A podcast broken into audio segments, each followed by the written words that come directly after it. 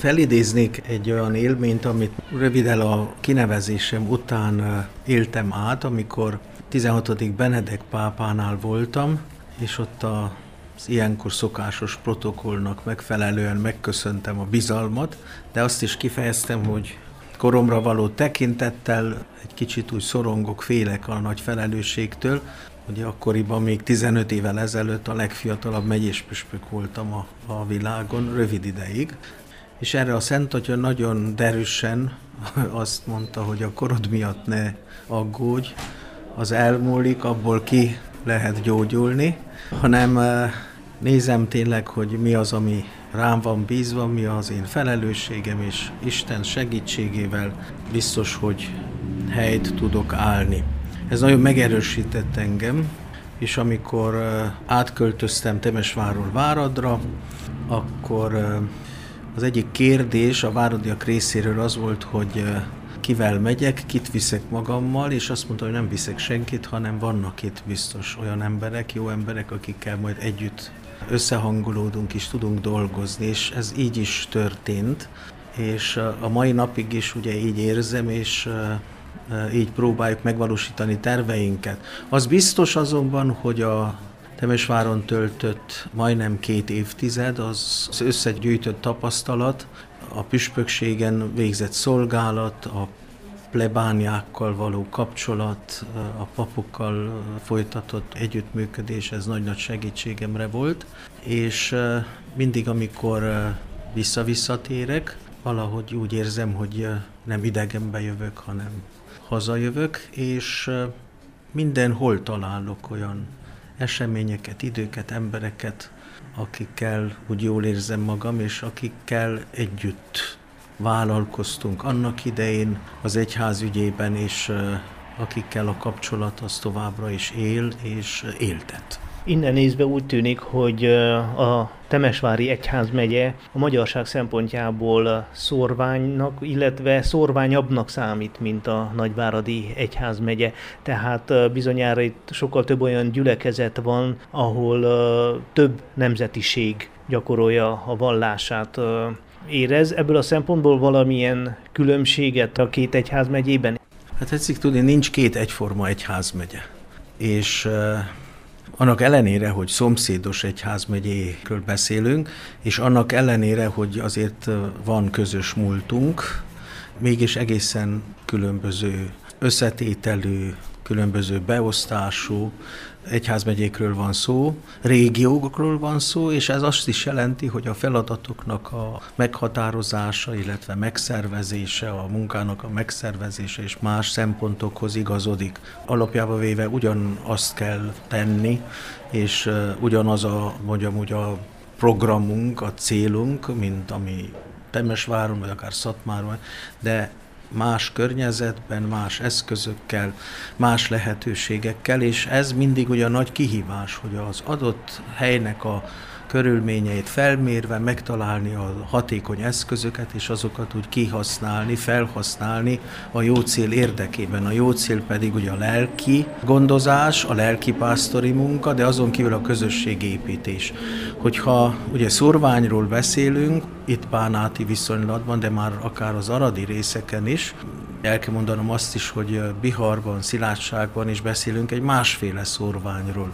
Ugye ott a katolikusság egyik másik vidéke nagyon, nem hogy gyengén van jelen, de nagyon kevés a katolikus közösség, vagy nagyon kis közösségekről beszélünk. Ott van az érmellék, vagy ugye a szilárdság, ahol egy pár plebánia van. Tehát az egy másféle szorvány.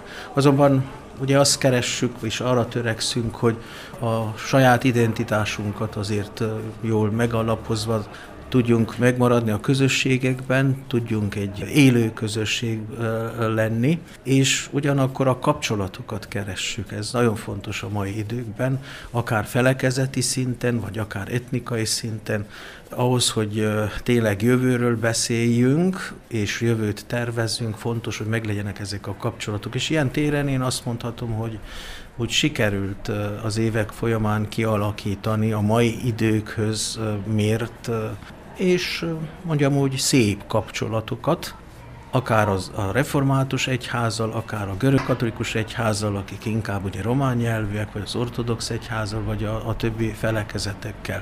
Talán, mikor én még oda mentem 15 évvel ezelőtt, nem volt ez annyira sürgető. De világunk olyan gyorsan változik, alakul. Másrészt ugye ott van ez az állandó mozgás, a hívek jönnek, mennek. Most már ugye nem lehet annyira szétválasztani, hogy a, a vidéki plebániák és a városi plebániák, mert ugye az emberek közlekednek, és azért úgy látják, hogy mi történik a városban. Úgyhogy valahogy úgy egységbe kell nézni a dolgokat, és ami, ami számunkra nagyon fontos, akik jóformán ugye kettős kisebbségbe élünk itt az országban, hogy ahol csak lehet és amivel csak lehet fogjunk össze, és a keresztény értékeink szerint tudjuk a jelenünket alakítani és a jövőnket építeni. A Nagyváradi Egyházmegye úttörő volt Romániában a diakónus szentelés terén. Ugye az első három diakónust Nagyváradon szentelték fel, utána az Aradi, illetve a Temesvári Egyházmegyében három aradi diakónus is szolgálatba lépett a paphiányt kell úgymond enyhíteni, vagy kompenzálni, vagy egyfajta nyitás ez a világi dolgok felé?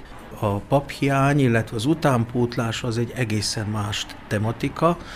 Voltak olyan idők az egyházmegyék történelmében, amikor ugye kevesebben voltunk, vagy amikor nehezebben jött az utánpótlás. Ugye ezért tehetünk valamit, illetve van feladatunk nekünk is, de ne felejtsük el, hogy a hivatás az mégis egy kegyelem, és azt Isten adja. Tévedés lenne, vagy nagy hiba lenne, ha erőltetnénk, ha olyan személyeket, olyan ifjakat erőltetnénk oda, akik nem érzik át a hivatásnak a nagy súlyát, de ugyanakkor ajándékát is. A másik pedig ugye Beszélünk egy, mondjam úgy, egy olyan egyházképről, egy olyan egyházról, egy olyan közösségről, amely jelen kell legyen a mai világban. És nem csak a templom falain belül, hanem a templomon kívül is, azon túl, a társadalmi, a közösségi életben.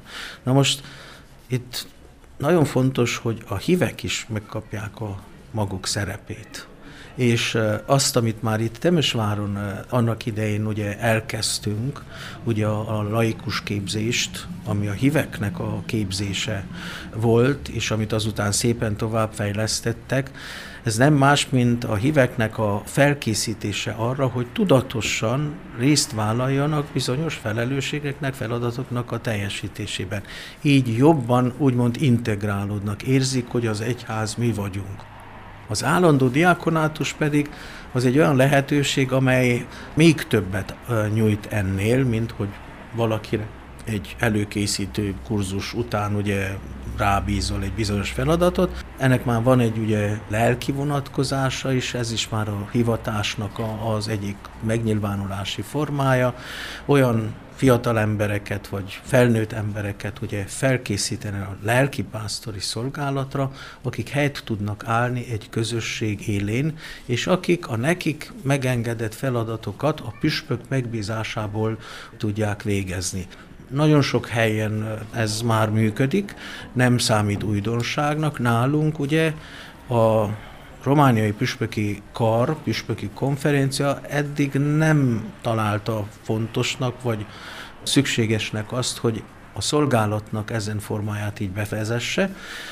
Egy jó pár évvel ezelőtt ugye kezdtem én ezt mondogatni, és próbáltam úgy egyengetni ennek az útját, mert ugye ezt nem határozhatom én egyedül, mint váradi püspök, hanem a konferenciának, a püspökök testületének a hozzájárulása és döntése szükséges.